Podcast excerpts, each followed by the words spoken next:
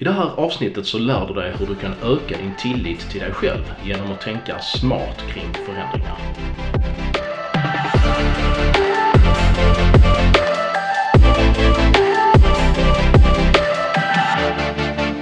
Välkommen till Vanepodden med mig Jenny Westman och med Patrik Friberg.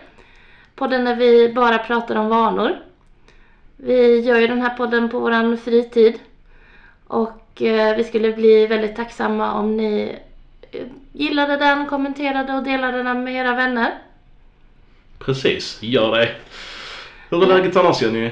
Ja, det börjar bli bättre för min del. Eh, Ostan är lite kvar ännu. Det är nog fjärde veckan nu.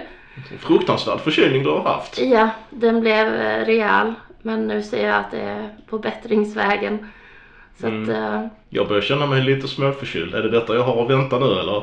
jag hoppas ju inte att du har fått detta. Det är inget jag rekommenderar till någon. Nej, Ja, jag hoppas det klarar sig. Eh, vad ska vi prata om idag? Idag så ska vi prata om eh, hur man kan göra om man har hamnat i den situationen att man inte längre litar på sig själv.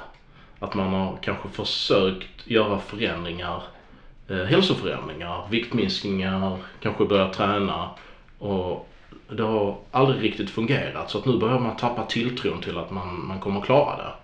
Hur gör man i det läget? Jag tror att vi alla kan relatera till det att man har varit där. Kanske specifikt om man tänker på nyårslöftena.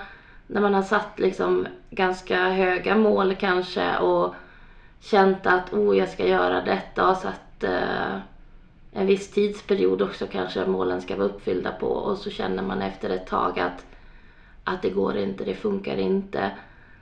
Och man ger upp egentligen. Mm. Ehm, jag har upplevt det väldigt många gånger. Mm, jag också. Och eh, det blir ju kanske att man när man sitter där och skriver målen att man formulerar dem lite väl högt eh, och eh, man, jag vet inte, man försöker väl gå in med väldigt mycket motivation. Mm. Eh, och när det inte funkar så tänker man att det är ingen idé, jag klarar ändå inte av det. Mm. Och, och, och liksom, ett, ett stort problem blir ju när man nästa gång vill formulera någonting och man redan från början känner att eh, varför skulle det fungera den här gången? Det har aldrig funkat hittills liksom. Mm.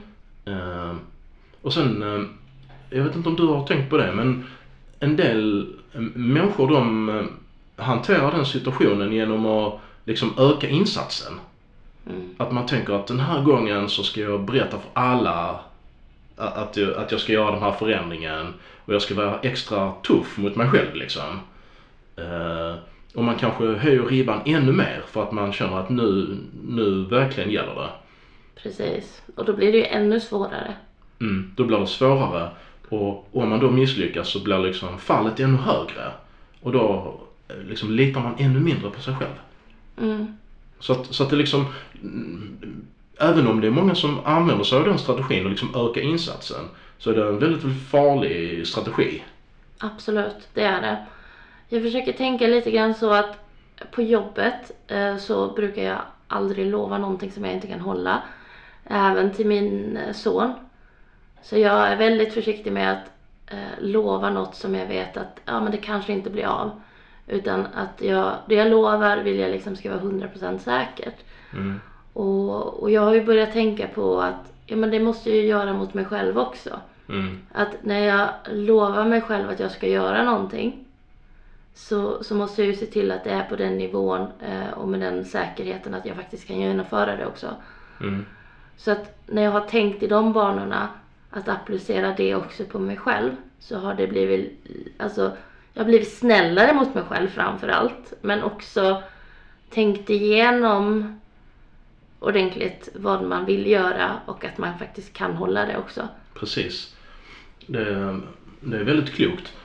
Ehm, och, och det finns liksom eh, en, eh, vad ska man säga, det, fin, det finns liksom ett, eh, mm, någonting att ha i åtanke som kan eh, sabotera för en.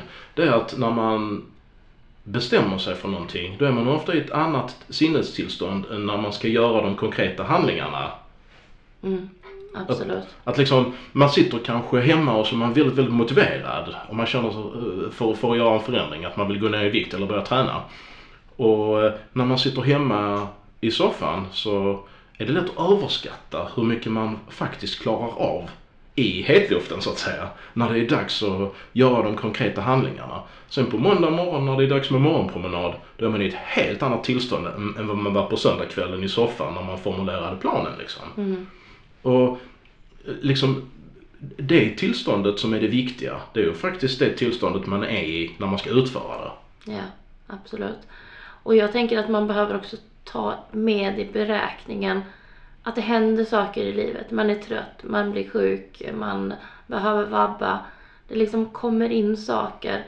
Och de bitarna tidigare för mig har ju de liksom förstört. Hade det varit så här jag är sjuk som jag är nu, fyra veckor. Då Mm. hade ju allt liksom fallerat och nästa vecka hade jag inte kunnat komma igång igen. Nej. Men eftersom jag ändå har ändrat tankesätt att tänka på och eh, hur man bemöter det här, alltså i sig själv egentligen, med känslor. Mm. Eh, och att eh, så har det ju förändrat mitt sätt att se på det hela och också eh, hjälpt att man faktiskt kan fortsätta för det är liksom det är en tillåten nivå. Mm. Jag är sjuk, jag kan inte vara på gymmet. Förstår jag dig rätt då att du tänker kontextbaserat istället för prestationsbaserat? Att, att liksom istället då för att tänka så här att du ska träna tre gånger i veckan, är du sjuk en vecka så ligger du på minus tre. Så tänker du att eh, de tillfällen när jag ska träna, det är liksom en viss tidpunkt per vecka när jag är frisk. Ja precis, för att man ska ju inte träna när man är sjuk. Alltså det blir ju inte bra för hälsan eller för hjärtat eller man kan bara bli värre. Mm. Eh, så att man då inte blir stressad av att man inte tränar och nu har det gått en vecka till, jag har inte varit på gymmet. Nej. Vad kan man göra istället då? Finns det någonting man kan ersätta? Ibland kanske man inte kan göra någonting men man kanske kan tänka lite extra på kosten de veckorna istället om man nu har som mål att minska i vikt. Mm. Eh, så, att, så att man eh, känner att det inte blir liksom stresspåslag på grund av en sån sak. För du har egentligen inga planerade träningstillfällen när du är sjuk, eller hur? Nej, Utan att du har formulerat eh, liksom di- din vana som att du tränar när du är frisk och efter jobbet. precis. Och när du då är sjuk då inträffar inga möjliga träningstillfällen. Då finns det ingenting att misslyckas med. Nej, utan när jag är sjuk så behöver man ju kanske istället lägga tid på kanske extra sömn, extra vila, återhämtning, det kroppen kanske skriker efter. Mm. Precis. Men jag tänkte, om man är i ett sånt läge då att man många gånger har försökt ändra på en eller flera saker i sin livsstil och det har inte fungerat och man känner liksom i, eh, man känner att man vill ge upp man, man liksom uh, har liksom inte kraften att, att börja om och formulera det en gång till. Man litar inte på att det kommer att fungera. Vad gör man då? Jag tänker först och främst så behöver man ju kanske ändra metod. De metoderna som man inte har använt tidigare, de har ju uppenbarligen inte fungerat. Eh, och eh, också sänka ribban är ju väldigt, väldigt viktigt. Att, att man ser över hur mycket och vilken kontext och vad är liksom lägsta nivån för att det faktiskt blir genomfört. Mm. Så det är ju väldigt viktiga bitar. Sen finns det ju många fler bitar också som, som är av stor betydelse. Men just att man kanske väljer en annan ingång till detta. Mm. Eh, och att man försöker få bort det här med tidspressen. Det, det upplevde jag alltid tidigare som väldigt, väldigt stressande. Nu ska jag hinna detta på 10 veckor eller på 20 veckor. Eller att det alltid låg en egen tidspress som man själv hade satt. Det var ingen Mm. annan som hade satt den utan det var bara jag. Eh, och försöka gå över till det här att det ska vara liksom en livsstil. Mm. Det ska hålla resten av livet. Eh, och se det långsiktigt och inte att det ska vara liksom snabba resultat som, som många eftersträvar. Och, och liksom konkret då, hur, hur, hur gör man i, i, liksom, i, i flera steg? Om man vill följa de här jättebra råden som du gav då i, i någon slags modell. Man tänker var, Men du tänker våran vanebildningsmodell. ja, Ja, man behöver ju formulera vad man vill egentligen först. Vad är det för eh, syfte man har med detta, den här vanan. Eh, och sen också kanske ja, men göra en allmän kartläggning av livet. Hur ser det ut? Så man får en liten överblick. Ehm, och, och nästa steg blir ju att man väljer vilken kontext ska du utföra vanan i. Mm. Och den har betydelse. Vilken situation är det? Vilken tid? Ja. Vilken plats? Med vem? För att eh, i en situation kan det fungera jättebra medan i en annan situation fungerar det inte alls. Mm. Så, så där kan man behöva justera ganska mycket i, till en början. Eh, och sen är det ju själva beteendet också. Finns det någon trigger innan beteendet? Och en trigger är ju liksom startsignalen så du blir påmind av den. Och en startsignal, lika lite som en deltagare i ett lopp går och gör någonting annat efter ett startskott. Så ska man själv inte göra någonting annat än att göra vanan, alltså springa loppet Mm, liksom. precis, det får inte finnas något moment däremellan. Nej. Utan direkt man har eller hör eller uppmärksammar sin trigger som man har bestämt så ska vanan komma direkt efter. Mm. Och kanske speciellt viktigt om man är i det läget att man inte riktigt litar på sig själv. Att ha ribban otroligt låg. Alltså man, man gör det så lätt så, så att man vet att man kommer klara av det oavsett hur dålig dag man har liksom. Mm, Det är mycket bättre att börja på säker, säker, säker mark. mm, Och börja bygga upp eh, vanan så att den fungerar vecka efter vecka. Så man börjar få tillbaka tilltron eh, till sig själv. precis. Jag vet ju att jag har hört många gånger eh, de som har sagt att när du ska börja träna att första steget är egentligen bara att ta dig till gymmet. Mm. Eh, du kanske inte tränar så jättemycket men momentet att ta dig till gymmet. Mm. Absolut. Eh, om det är där man vill eh, utföra en ny vana. Absolut. Mm. Jättebra. Bara, bara, bara gå in och, och, och känns det helt onödigt att bara gå in så ta två minuter på en konditionsmaskin Mm. eller någonting sånt. Eh, eller om, om eh, man, man skulle till och med kunna tänka så här att man tar sig halvvägs till gymmet i början. Mm. Och att det är absolut gott nog till att börja med för att liksom få in den här rutinen som vanan innebär. Och att man börjar lita på att man faktiskt kan göra det vid de tillfällen man har planerat. För skillnaderna blir ju att de gånger du utför vanan fast det är verkligen på minimumnivå så blir det ju ändå en belöning. Känslan blir ju en belöning för att du klarar av den.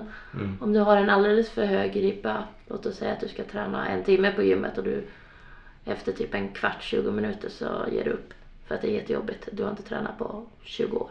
Mm. Eh, och, och då har du ändå varit på gymmet, du har tränat, du har liksom gjort alla moment där men det blir ändå en besvikelse. Mm. Fast du har gjort så många delar i, i vanan så blir det liksom en, eh, en negativ känsla. Och det är ju också, många går ju in på att de ska träna fem dagar i veckan, de ska förändra kosten, de ska ändra allt på en gång. Mm. Och det är massa vanor och de kanske lyckas med 70% av dem. Låt Mm. oss säga på grund av mycket motivation, viljestyrka första veckan. Och sen fallerar det och de har ändå ingen positiv känsla på grund av att de lyckades inte med 100% av det de hade satt. Nej. Det känns som man, man har misslyckats trots att man har, har lyckats göra lite av förändringen liksom. Men eh, mycket bättre sätt. Det, alltså, många tänker ju så här också att nu när jag äntligen har kommit till ett läge att jag vill komma igång så vill jag få alla resultat på, så fort som möjligt. Men då kan man också tänka historiskt att ofta så har, om man då har några misslyckanden i bagaget så har man kanske inte gjort så stor skillnad på ganska många år tillbaka. Eh, så säg då att man, ska vi ta viktminskning som exempel, att man väger samma eller mer än vad man gjorde för fem år sedan när man också hade viktminskningsambitioner. Eh, Och jag tänker man kanske under de här fem åren också har försökt gå ner i vikt Mm, flertal gånger. exakt, exakt. Man har börjat om, inte lyckats, börjat om, inte lyckats. Eh, Då har det tagit fem år utan att man har fått något resultat. Då kan det vara mycket bättre att man börjar i väldigt, väldigt liten skala. Man bara ändrar på lite saker i frukosten till exempel. Mm. Och så tappar man några hekto eh, varannan vecka liksom. Men det går åt rätt håll. Och då kommer man få resultat mycket snabbare än vad man har fått senaste fem åren som faktiskt är lika med noll. Mm. Det är, bättre, är det inte bättre att få långsamma resultat än ingenting alls? Ja, det är mycket bättre. För också de långsamma resultaten brukar ju bli hållbara på ett annat Exakt. sätt också. För då bygger man ju vanorna väldigt grundläggande liksom. Och också så att det fungerar i vardagslivet. Mm, precis. Och, och, men, jag tänker att det viktigaste är om man har, är i det läget att man inte litar på sig själv. Att man sänker kraven på utförandet så pass mycket så att man, man lyckas alla gånger man, man försöker. Mm.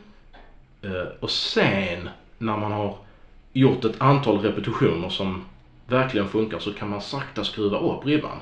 Men då börjar man ifrån säker mark istället för att man går all in och Precis. liksom har en plan som nästan är omöjlig att utföra liksom. Ja, och jag tänker att det finns ju ganska tydliga varningssignaler där. Direkt du börjar känna att du kan inte, du vill inte, det går inte.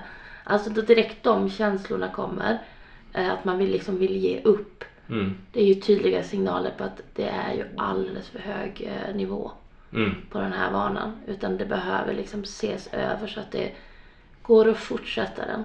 Mm. Och kanske inte flera vanor på en gång heller. Mm. Utan börja med en väldigt, väldigt, väldigt lätt vana. Ja, och man ska känna sig nöjd. Mm. Känner man sig att nej, jag det var inget bra, då är det kanske också för eh, högt. Alltså du ska sänka det så att du mår bra och så att du bygger den här självkänslan att du litar på dig själv igen. Mm. Och, och fira segern liksom. Att ha, har man då utfört vanan då, då ska det kännas bra. Då ska man vara nöjd med sig själv. Precis, men inte fira då kanske med en tårta eller kanelbullar varje dag utan då, då tar de ju varandra. Utan fira med känslan. Ja. Beröm dig själv. Mm. Njut av den positiva. Finns det en positiv känsla kopplad till vanan så um, förstärk den. Ja. Njut av den liksom. Säg den högt också. Mm. Mm, Perfekt. Ska vi nöja oss med det för idag? absolut. Och glöm inte att gå in och titta på varaktigavanor.se där och se om vi kan hjälpa dig mer på något sätt. Och ha en riktigt bra vecka. Ja, tack för att ni lyssnar på oss. Vi hörs om en vecka igen. Hej då!